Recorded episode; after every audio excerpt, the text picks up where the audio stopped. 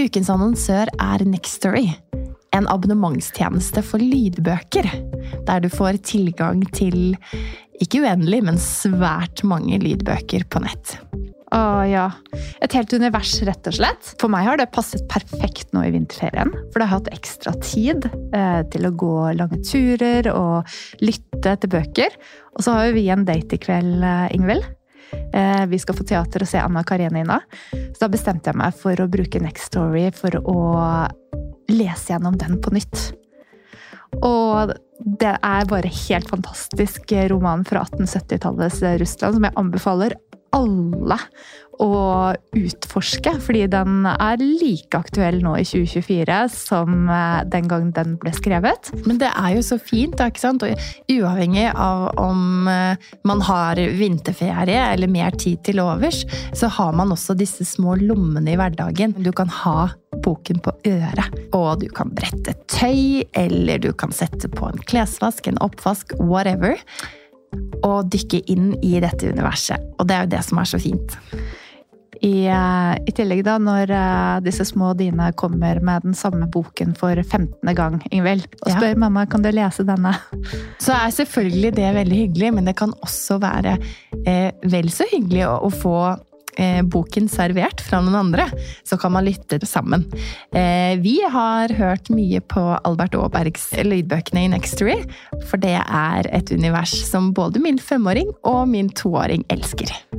Ah, det er fantastisk. Man kan finne så mye flotte verdener og opplevelser i gode bøker. Og du som lytter til oss, kan nå få seks uker med fri tilgang til Next Story hvis du går inn på linken nextory.no engler. Så gå inn der.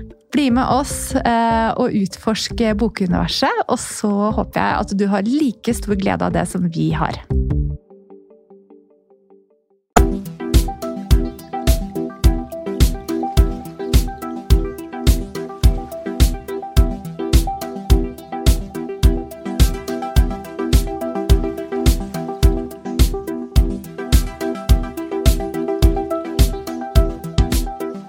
Velkommen til Engler og hormoner. Inspirasjon og ny kunnskap om helse, selvutvikling og livsstil.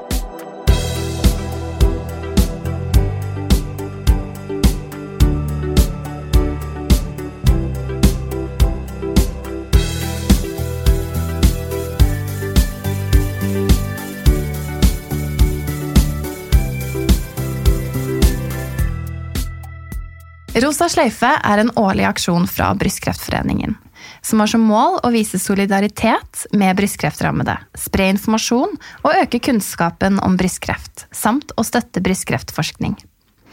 Årets fokus er forskjellsbehandling av brystkreftrammede. Og at nettopp dette med å behandle kvinner med brystkreft ulikt, er essensielt fordi ingen svulster er like, og ingen kvinner er like. Individualisering av behandlingsplan er noe som ligger vårt hjerte nære fra egen klinisk erfaring. Hver dag så får ni kvinner i Norge diagnostisert brystkreft. Alle disse er ulike. Og derfor er persontilpasset brystkreftbehandling viktig. En annen ting som er viktig, er å ha sterke forbilder. La oss presentere en av de i dagens episode. Hjertelig velkommen i studio, Anita. Tusen hjertelig takk. Dette har jeg gledet meg til. Så bra. Og du har jo blitt invitert hit um, pga. din kompetanse og erfaring som leder og med stressmestring. Men også fordi du selv har hatt brystkreft.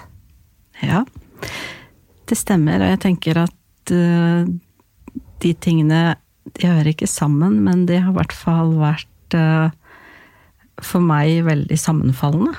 Å kunne bruke erfaringen min både fra det å være leder og det å være en aktiv i arbeidslivet, men også være Anita som har kreft. Hadde kreft. Mm. Mm. Ja. Fordi eh, Hvis vi starter med deg, da, Anita. Mm. Kan du ikke fortelle alle som lytter, hvem er du, og hva er det du gjør i livet ditt akkurat nå? Hva jeg gjør i livet mitt? Jeg eh, jobber i Sats Group, eh, og er ansvarlig for alt vi har av yoga. Så jeg jobber med å er så heldig at jeg får utvikle det vi lærer medlemmene våre av yoga. Alle klasser vi har, alle utdannelser vi har. Eh, og jeg har også vært med på å utvikle en yogakjede som heter Hayoga. Som eh, finnes her i byen, men også rundt omkring i de andre nordiske, andre nordiske landene. Så jeg får virkelig jobbe med noe som jeg eh, elsker, og som gir meg mening, og som jeg tenker er viktig. Både for friske og syke. Mm. Så kort oppsummert, med din lidenskap for yoga og det som du har gjort, hvor mange mennesker tror du du har nådd yoga med gjennom ditt virke? Å, så gøy at du spør om det. I fjor, i 2018, så hadde vi over en halv million mennesker på yogatimer i sats og i high-yoga. Hmm. Og det er en halv million mennesker i det nordiske i det nordiske området. Og det er mye helse ja, i det. det er mye helse, og det er mye gøy. Ja, Så bra. Men det har jo ikke alltid på en måte vært yoga for deg, Anita. Hvordan var det du fant mm. Hvordan var veien din til yoga? Nei, jeg pleier å si at jeg er oppvokst i finans. Mm. Eh, jeg har jobbet i finans i, i, veldig mange år. Eh, og i forbindelse med at jeg eh, ble syk, så tenkte jeg at jeg skulle tilbake til jobben min, for jeg elsket jobben min og hadde det veldig morsomt. Men når jeg startet å gjøre yoga, så fikk jeg nok også en sånn gryende drøm om å få lov til å jobbe på en annen måte, og jobbe med noe som jeg liksom kunne ha med hele meg, da. Mm. Så da ble det Når jeg ble syk, så startet jeg yoga. Syntes det var fantastisk. Og så um, tok jeg en hel masse yogasertifiseringer. Leste medisin grunnfag. Startet å undervise ganske mye. Åpnet et yogastudio. Og underviste ja, egentlig ganske mange også som uh, både var syke og visste at de alltid kom til å være syke, men også friske. Mm. Uh, og samtidig så kjente jeg at jeg hadde lyst til å bruke forretningshodet mitt. Og tenkte at hvis jeg kan koble de to, hva kan vi få til da? Hva mm. kan vi få til? Og hvor mange kan vi nå? For det er jo på en måte noe av det jeg brenner for. Å virkelig få yoga ut til mange. Mm. Og tallet en halv million taler vel for seg selv? Mm. Det var det året. Så får vi se neste år. Det blir vel ikke færre? Det, blir, det, vet vi allerede. At det er enda flere i 2019. Så det er fantastisk. Og så tilbake til um, det at du ble syk, Anita.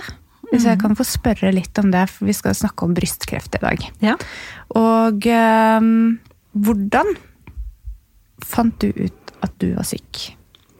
Det er faktisk en ganske hva skal jeg si, en litt spesiell historie. Fordi jeg um, var jo ikke syk. Um, tvert imot. Jeg er alltid litt sånn Duracell-kanin. Men så gikk jeg og følte meg Jeg følte meg ikke sånn som jeg pleide. Jeg følte at det var noe som var galt, uten at jeg var syk på noen måte.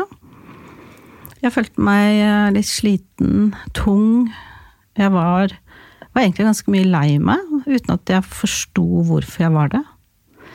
Så det jeg gjorde da, var at jeg bestilte time hos tannlegen. Jeg bestilte time hos gynekologen. Eh, og så forsøkte jeg å bestille time til å ta en mammografi. Mm.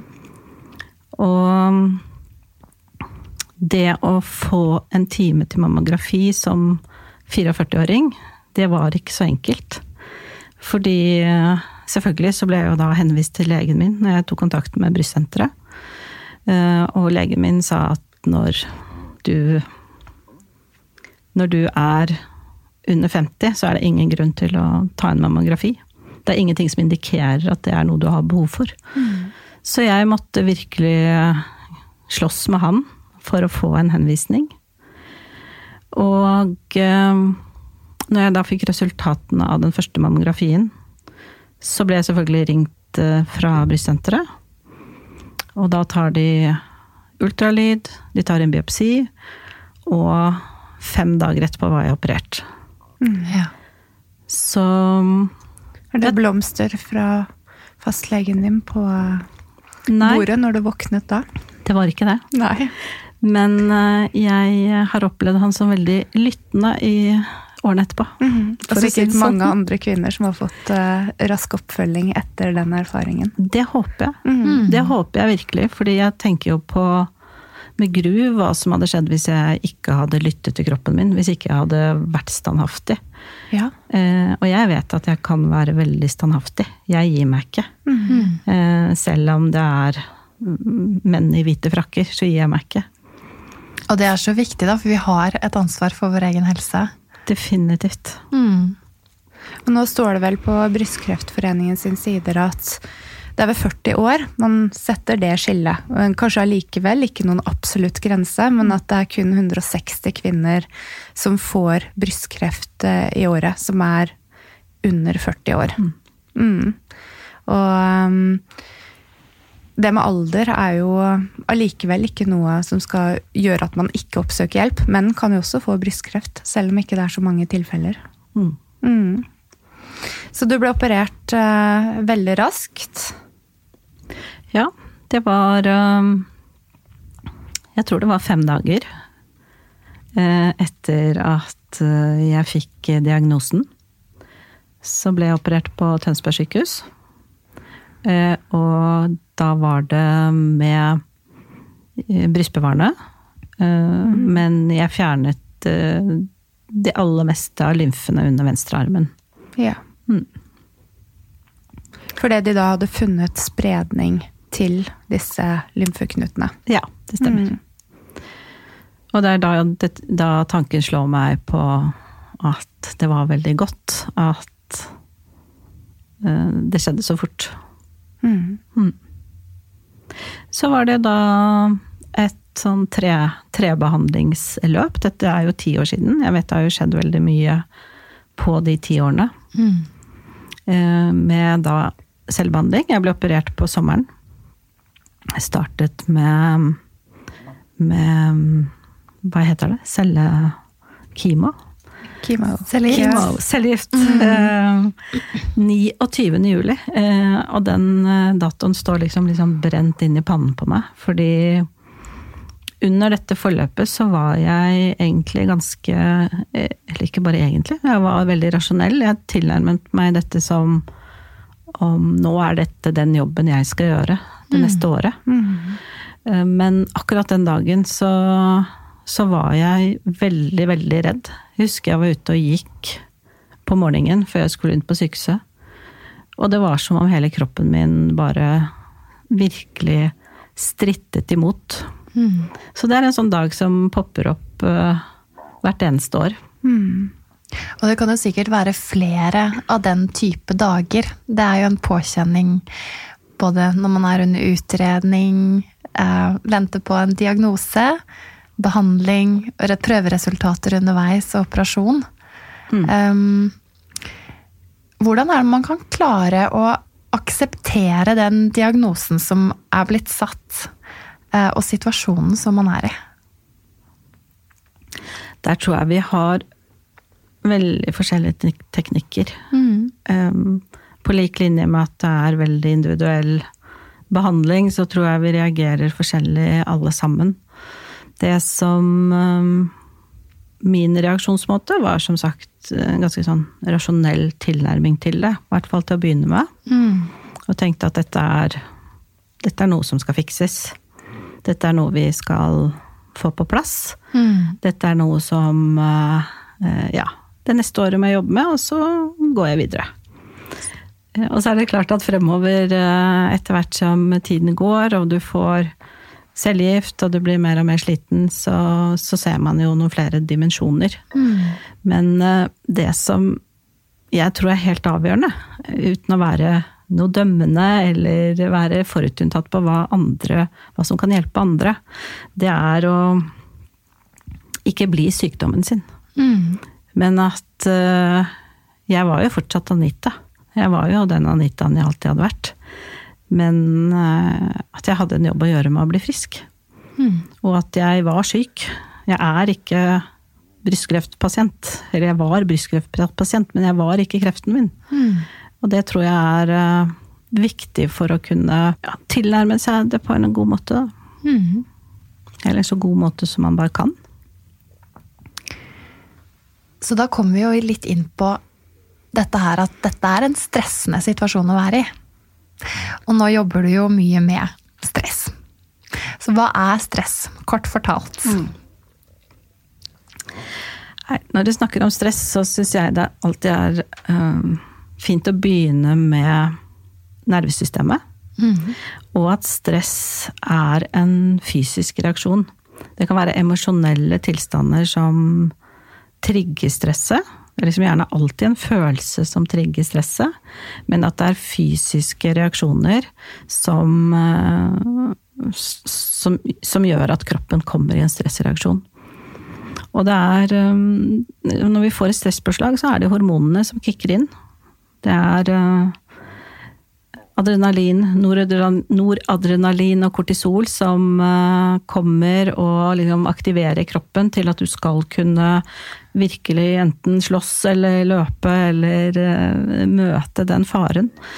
Og da er det jo sånn at uansett om du får en brystkreftdiagnose, eller om du møter en stor fysisk fare, så liksom, skjer det jo det samme i kroppen. Mm. Så det som var et sånt stort skifte for meg, var jo når jeg forsto hva er det som skjer i kroppen når jeg blir stresset. Hva er det som skjer i kroppen min når kroppen er stressa fordi jeg får cellegift? At det er, det er en fysisk reaksjon som, som, kroppen går inn i, og at man da Det var lettere å håndtere det som skjedde i hodet, når jeg forsto at dette er en reaksjonsmåte. Mm.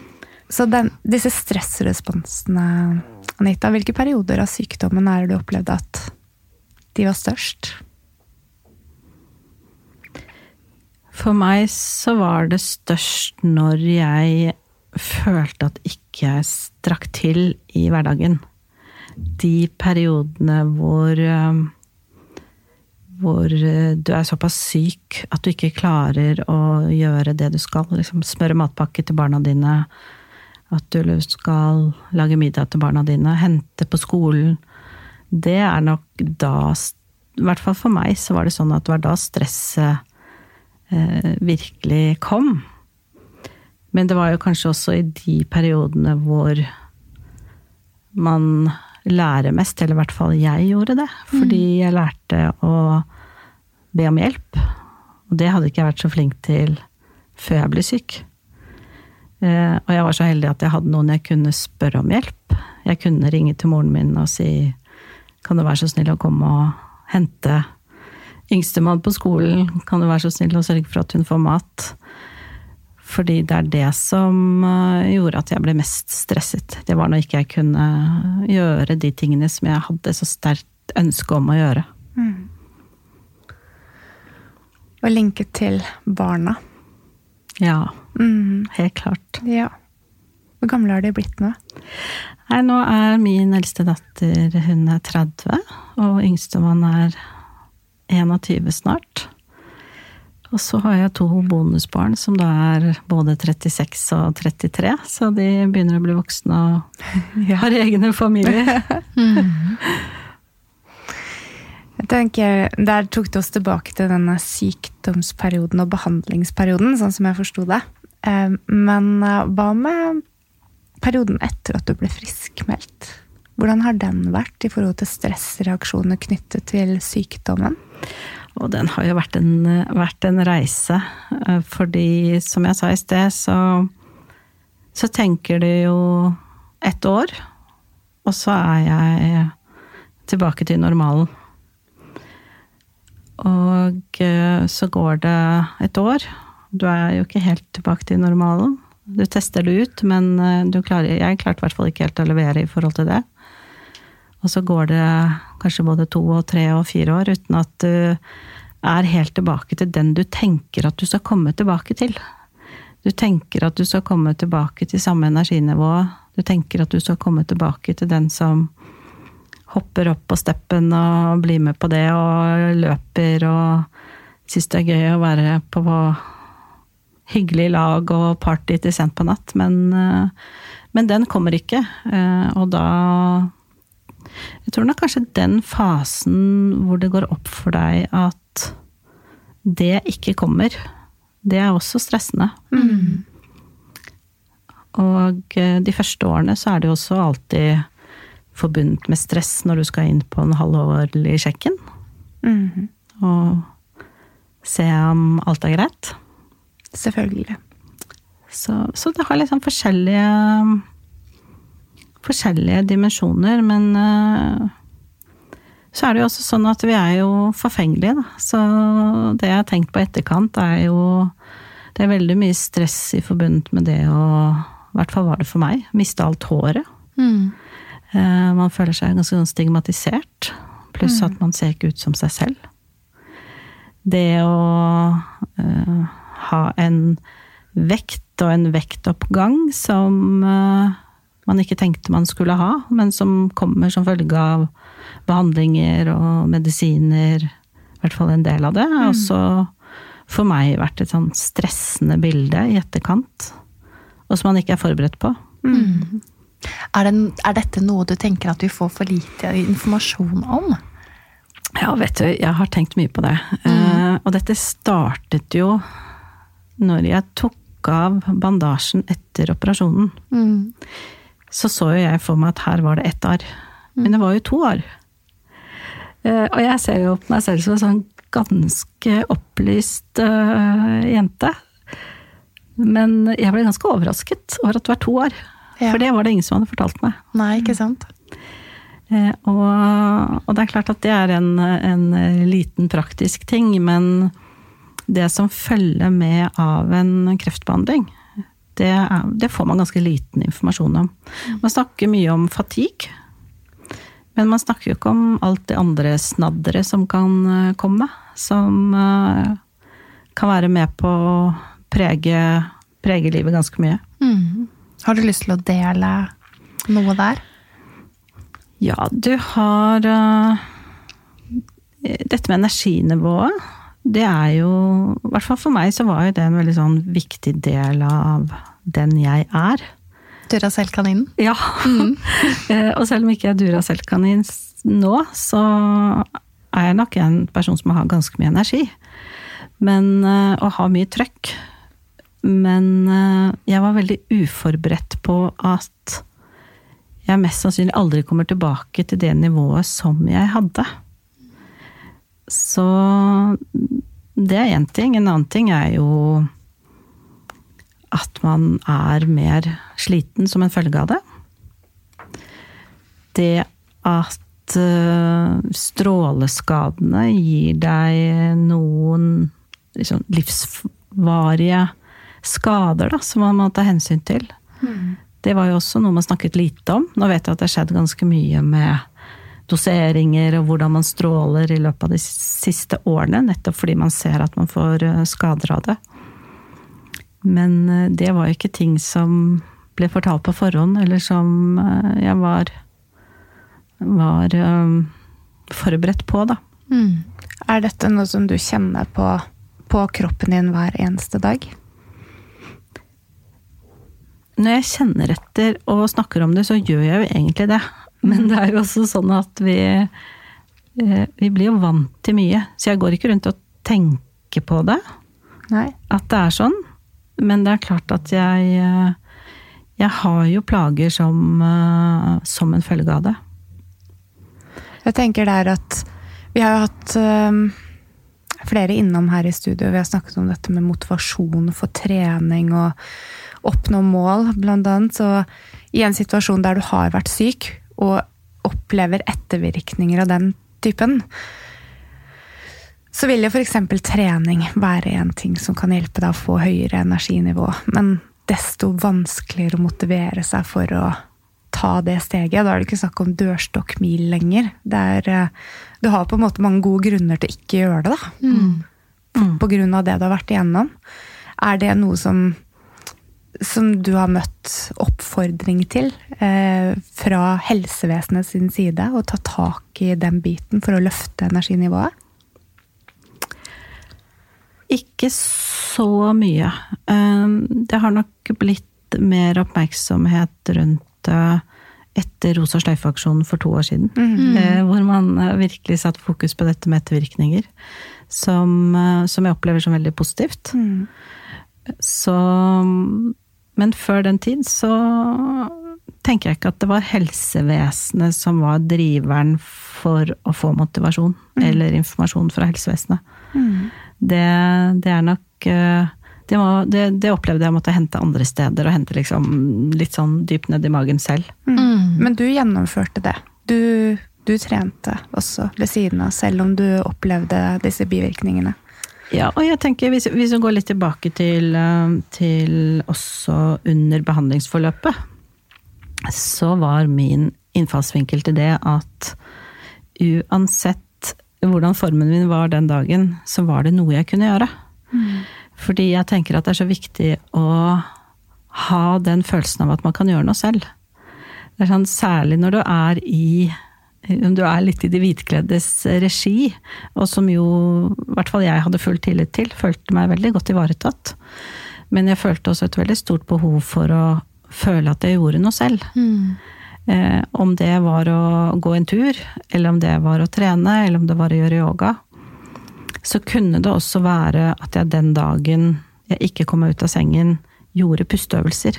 Og så følte jeg at i dag så må jeg slå meg til ro med at det er min trening. Ja. Og jeg tenker at det er, det er noe vi alle kan få til. Nå snakker jeg jo på en måte spesifikt om denne sykdommen og de som har et behandlingsforløp som er noenlunde standardisert, og ikke de som er ekstremt syke. Men eh, hvis du har på en måte kontroll på hodet ditt, så kan du Så er det alltid noe vi kan gjøre. Mm.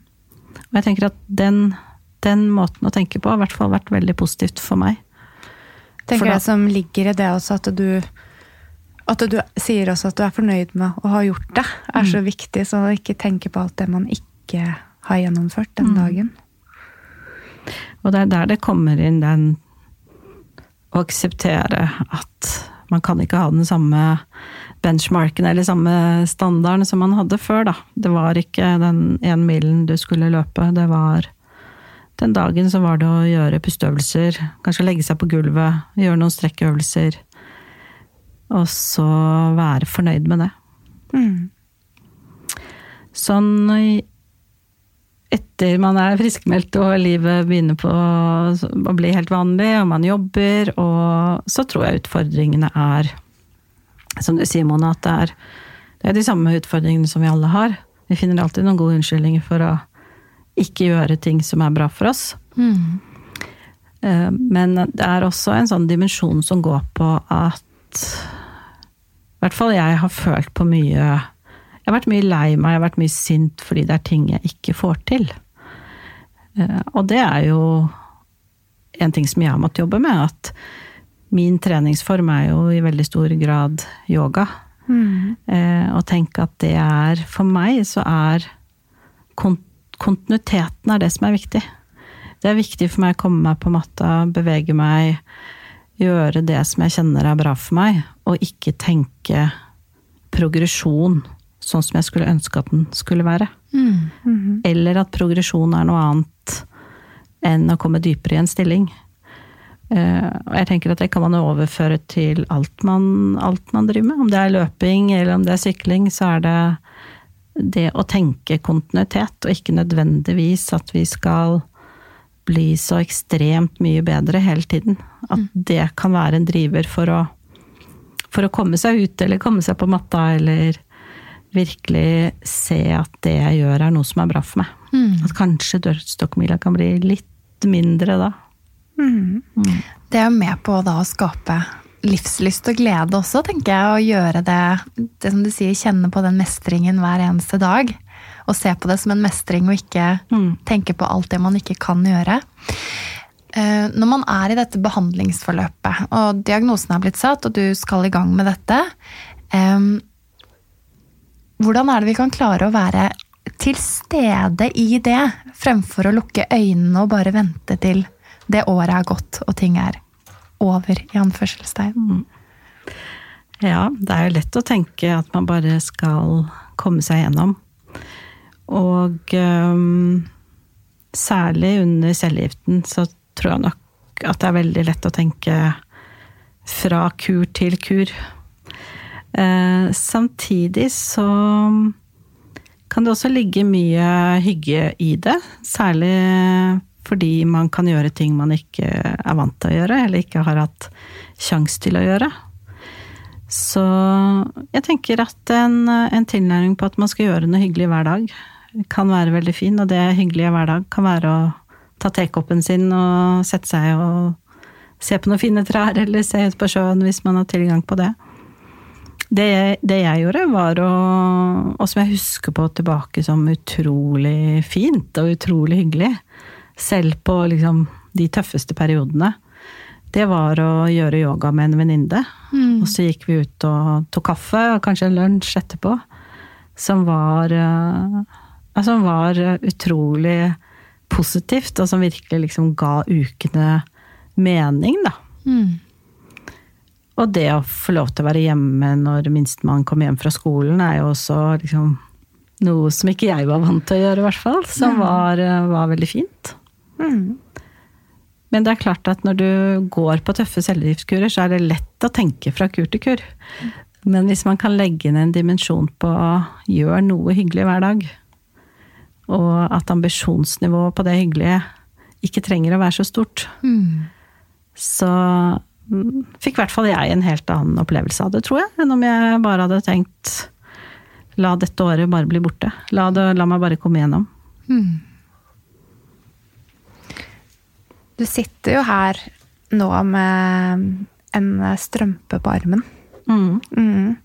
Eh, etter de fjernet lymfeknutene dine under armen, så har du også en annen ting som har fulgt deg mm. i tiden etterpå. Kan du fortelle litt om hvordan det er å leve uten lymfeknuter under armen? Mm, det kan jeg.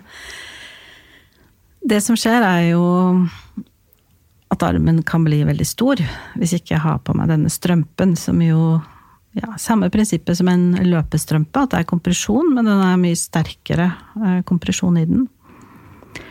Og um, det gjør jo det gjør, det gjør, flere ting. Det gjør at bevegelsene, eller, eller hva skal jeg si um, Ja, bevegelsesområdet ditt blir litt mindre.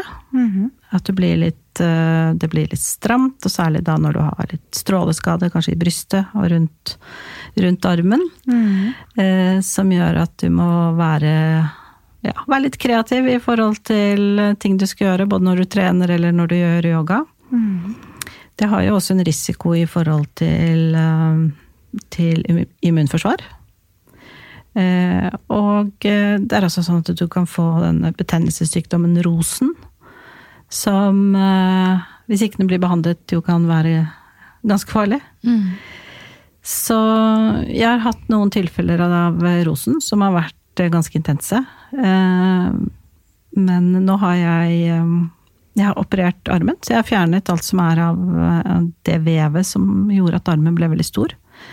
Så nå går jeg med denne strømpen 24 timer i, i døgnet. Men, men, det gjør jo at jeg, jeg føler meg mye friskere nå enn det jeg gjorde før operasjonen. Og da, ja, den siste operasjonen der du eh, fjernet dette vernet? Ja, TV? Ja. Mm. Så Jeg vil ikke si at det preger meg, men det vil, det vil si at jeg har lært meg å ta noen hensyn. Mm. Kan jeg komme med et tilleggsspørsmål til akkurat dette her med det lymfødema og sånne ting som du opplever i armen? Um, hvordan er det yogaen har hjulpet deg der? Jeg tror den har hjulpet på flere plan. Eh, først og fremst så er det jo det å øke sirkulasjon. Yoga er jo utrolig bra for å øke sirkulasjon. Både liksom oksygengjennomstrømming i kroppen, men også med blodgjennomstrømming i kroppen. Som gjør at uh, min kropp kan holde seg så frisk og fresh som mulig når du er liksom utfordret på dette med sirkulasjon. Mm. Og sirkulasjon er jo essensen i kroppens anatomi. Vi trenger denne sirkulasjonen for å få næringsstoffer og oksygen og alle stoffer vi trenger for å opprettholde et friskt vev ute i kroppen. På et helt annet plan, som jeg kanskje aldri hadde sett for meg, så har den jo også lært meg å egentlig bli enda bedre kjent med meg selv. Mm. Fordi um, Tilbake til dette med yogaen, som, uh, som jeg gjør en del. Når um, For det første så er jo yogaen utrolig bra i forhold til bevegelse for lymfedeme. Mm. Jeg føler at jeg har en ganske sterk arm, selv om, den, selv om den er utsatt, fordi at jeg bruker den mye. Fysioterapeuten min sier at jeg uh, er den største forbrukeren av strømper og hansker som hun har, fordi jeg bruker hendene mine ganske mye. Mm. Men, men, når det er sagt, så er det mm, fordi at jeg har strevet ganske mye i yogaen. Så tror jeg jeg har lært meg å være fornøyd på en annen måte enn det jeg var før. Fordi jeg aksepterer at det er ting jeg ikke får til, og aldri kommer til å få til eh, som andre kommer ganske lett til. Som jeg nok har vært ganske litt Jeg har vært litt sånn sint og misunnelig på det. Men samtidig så har det lært meg å akseptere eh, at jeg må ta hensyn. Som jeg ikke har vært så flink til før. Ga det mening? Ja, jeg tenker at det mm. kanskje kan være nyttig lærdom for mange å la seg inspirere av.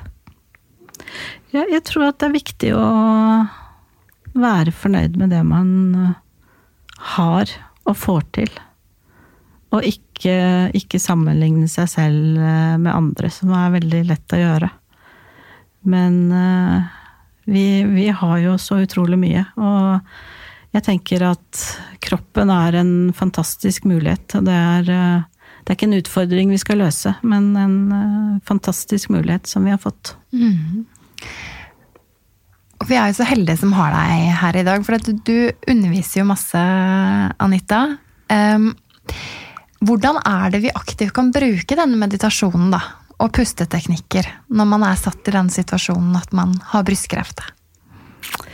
Ja, det er et godt spørsmål. Jeg um, Pusten tenker jeg vi kan bruke uansett hvor vi er, for å roe oss selv ned. Mm.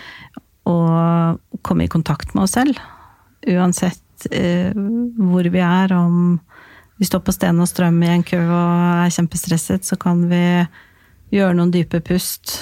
Kjenne føttene våre ned i gulvet og komme på plass.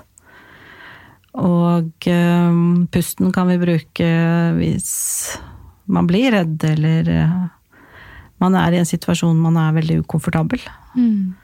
For å ikke bare komme i kontakt med seg selv, men også for å manipulere det nervesystemet som, som, faktisk da får et påslag når man er stresset. Mm.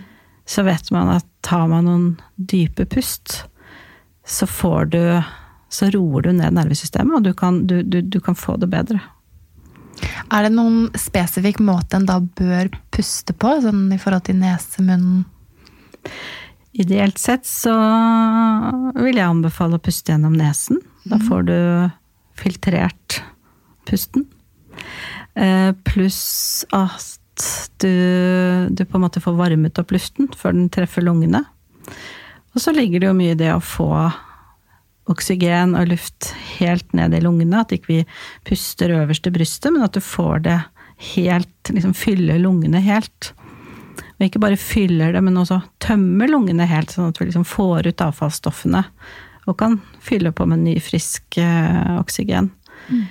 Og det er jo ofte det som skjer når vi Hvis man puster fort og, og bare øverst i brystet, så vil stresspåslaget det vil egentlig bare øke, istedenfor at vi kan gå inn og roe ned nervesystemet vårt ved å virkelig liksom kontrollere pusten. Og når man puster inn gjennom nesen, så, så vil det jo vare lenger. Mm. En annen ting jeg um, eh, brukte mye når jeg var syk, det var meditasjon. Da var jeg Jeg visste egentlig ikke helt hva jeg gjorde, for det finnes jo Nå vet jeg at det finnes veldig mange måter å meditere på. Men eh, jeg brukte en kombinasjon av mantra og affirmasjon mm. som eh, som hjalp meg veldig mye, og som jeg også brukte mye i undervisningen etterpå.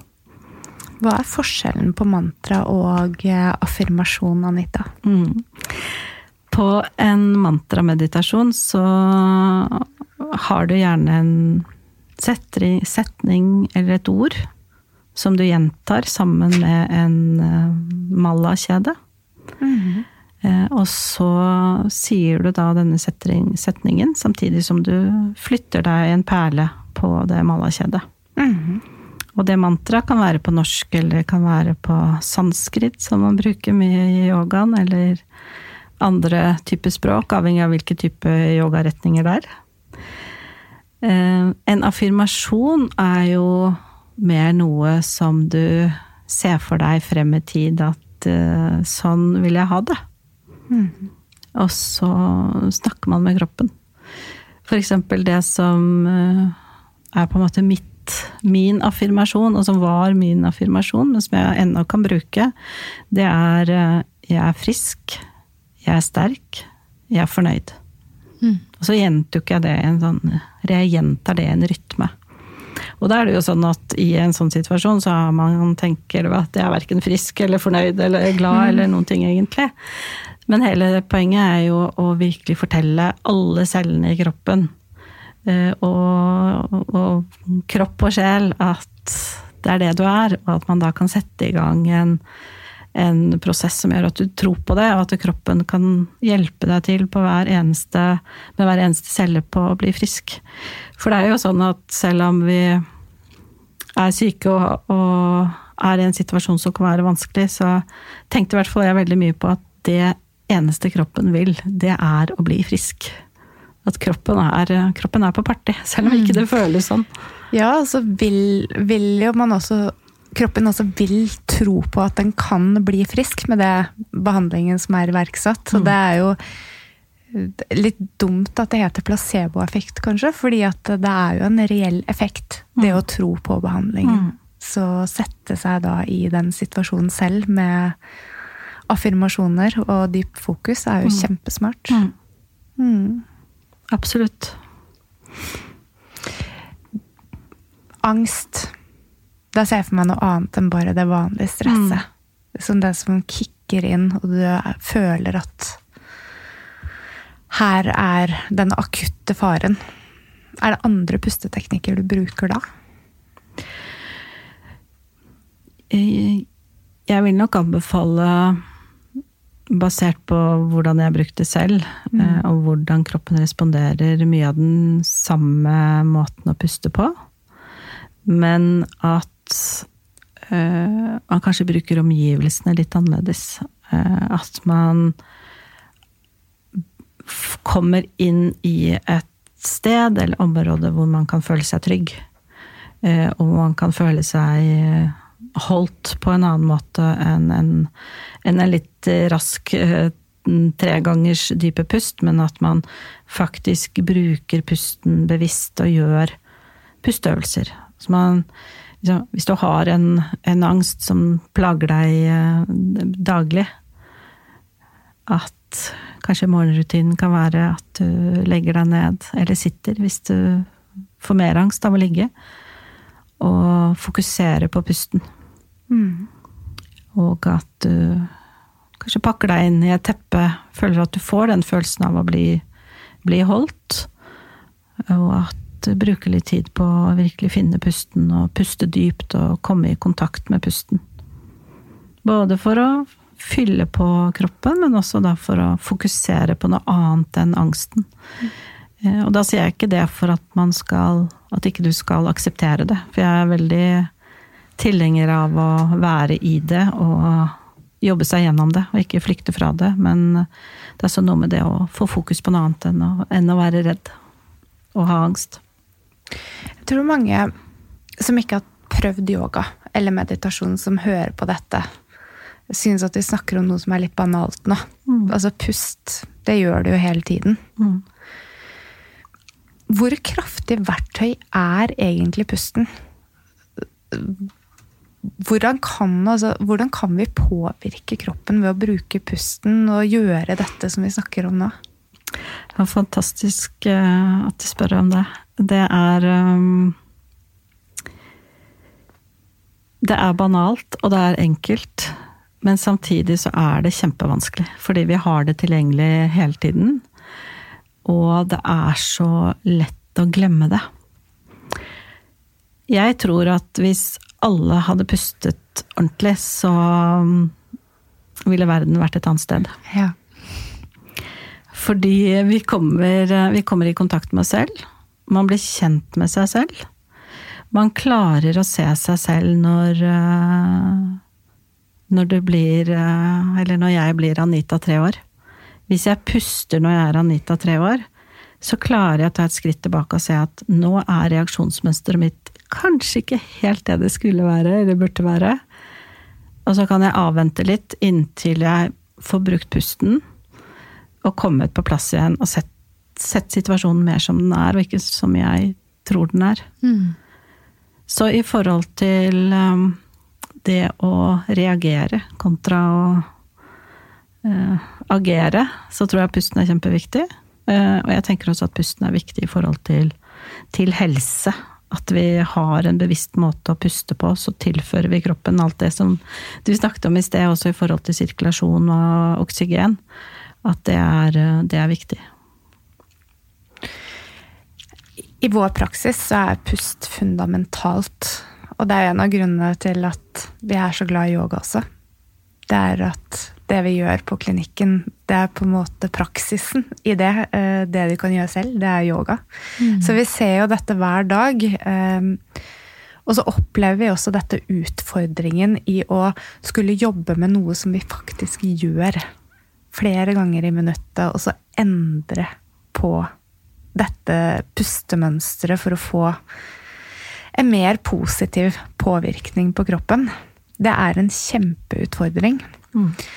Så, um, så jeg tenker det, Anita, at det som ville vært veldig nyttig for alle, egentlig, var om du kunne instruere oss litt. Kanskje gi oss en konkret gjennomgang der vi kan forberede oss på å sette oss rolig tilbake, eller legge oss ned og skape et rom for at vi, vi kan øve litt på pusten. Bare for å kjenne på kroppen hva du faktisk mener. Mm. Hadde det vært ok? Ja, det kan være. Så da skal vi avslutte med det, slik at uh, våre kjære lyttere også, hvis de har lyst til å finne tilbake til det som du skal gi oss nå, Anita, så kan de alltid finne det på slutten av denne episoden, så slipper de å lete etter det. Og så vil jeg bare avslutningsvis si til alle lytterne våre at poenget med denne episoden, det er å informere om risiko for brystkreft. Fordi én av tolv kvinner vil få brystkreft i løpet av livet. Så dette kan ramme oss, og dette kan ramme deg, og det kommer garantert til å ramme noen du kjenner. Derfor er det viktig å poengtere at den viktigste personen som kan ta ansvar for egen helse, det er deg. Vi oppfordrer alle kvinner å følge med på sin egen kropp. Vil du lære deg hvordan du kan undersøke dine egne bryster selv, gå inn på Brystkreftforeningen sine sider. Der finnes det videoinstruksjon om hvordan du kan gjøre en selvundersøkelse av brystene. Og de har også informasjonssider for deg som har, er pårørende, eller for deg som er rammet av brystkreft, slik at du kan få informasjon der, eller oppsøke hjelp hvis du har spørsmål. Hvis du kan være med og hjelpe oss å skape oppmerksomhet, så del gjerne den episoden med noen du kjenner. Og for all del, bli med og støtt Rosa sløyfe-aksjonen, slik at de får flere ressurser til å forske frem enda bedre individualiserte behandlingsmetoder for kvinner som vil bli rammet av kreft de neste årene. Anita, tusen takk for at du kom. Ja, tusen takk. Da kan dere få lov til å sette dere godt på stolen. Om du har en mulighet, så kan du også legge deg ned på gulvet, men jeg instruerer som om du sitter på en stol. Kjenn at du kan sette begge fotsålene dine godt ned i gulvet. Og så se om du kan ha en rett ryggrad, dvs. Si at du fjerner deg litt fra ryggstøet, om du har det på stolen din. Og så kan du legge håndflatene dine ned på lårene eller håndbakkene. Gjør det som føles best for deg. Og så trekker du albuene dine litt inn mot overkroppen. Tenk at du får en følelse i skuldrene som gjør at du ikke holder armene dine, men at de får henge fritt og tungt ned. Så tar du og kjenner at du har haken din parallelt med gulvet, sånn at du har nakken helt fri.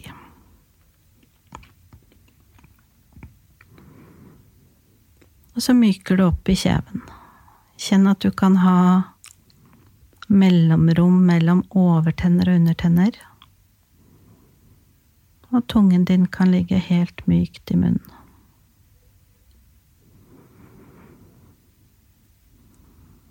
Og kjenn at du kan sitte stødig i deg selv. Så du er aktiv, men allikevel myk i kroppen. Og så tar du nå et litt dypere pust inn gjennom nesen.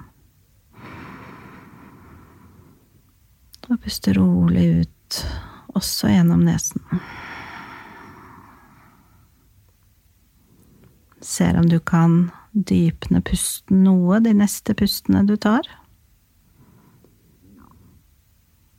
Og at du tenker på utpust at du kan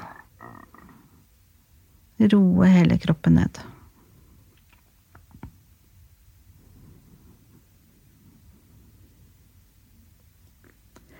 Så begynner du å dypne pusten enda litt mer. Du puster rolig inn gjennom nesen. Kjenner at du kan la magen komme ut mens du puster inn. Så puster du rolig ut. Magen senker seg ned eller inn mot korsryggen. Puster rolig inn igjen. Kjenner at du får bevegelsen ned i magen. Puster inn enda litt til, sånn at du kan få brystet ut til siden opp og ut. Og pust rolig ut. Senk brystet. Kjenn at magen går litt inn. Starte på nytt et innpust.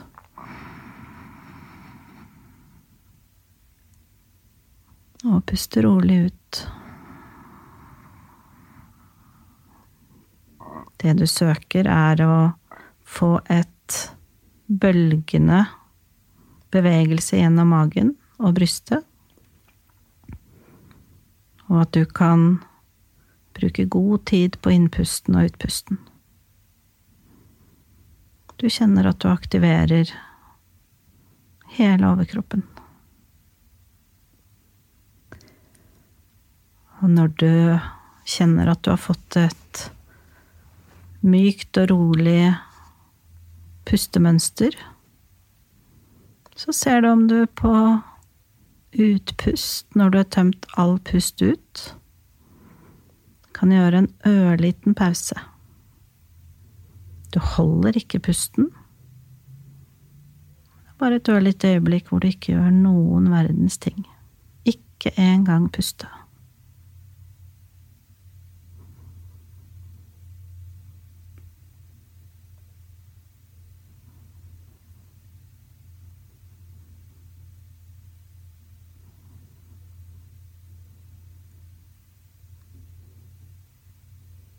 Når du nå har pustet ut neste utpust, så kan du rolig gå tilbake til din vanlige pust igjen. Det vil si at du puster på den måten som kroppen har lyst til å puste. Du trenger ikke å gjøre noe, du kan fortsatt sitte og kjenne kroppen. Gjør en liten reise inn i kroppen og kjenner hva det har gjort med deg, og faktisk få lov til å puste dype, lange pust.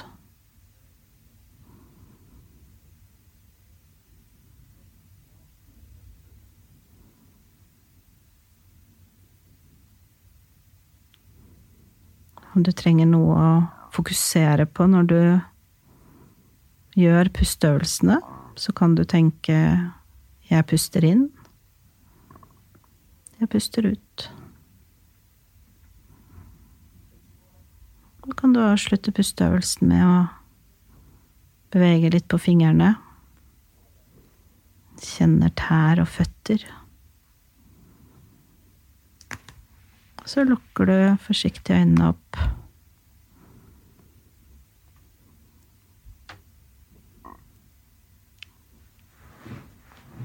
Og kan ut og møte dagen med en helt rolig kropp.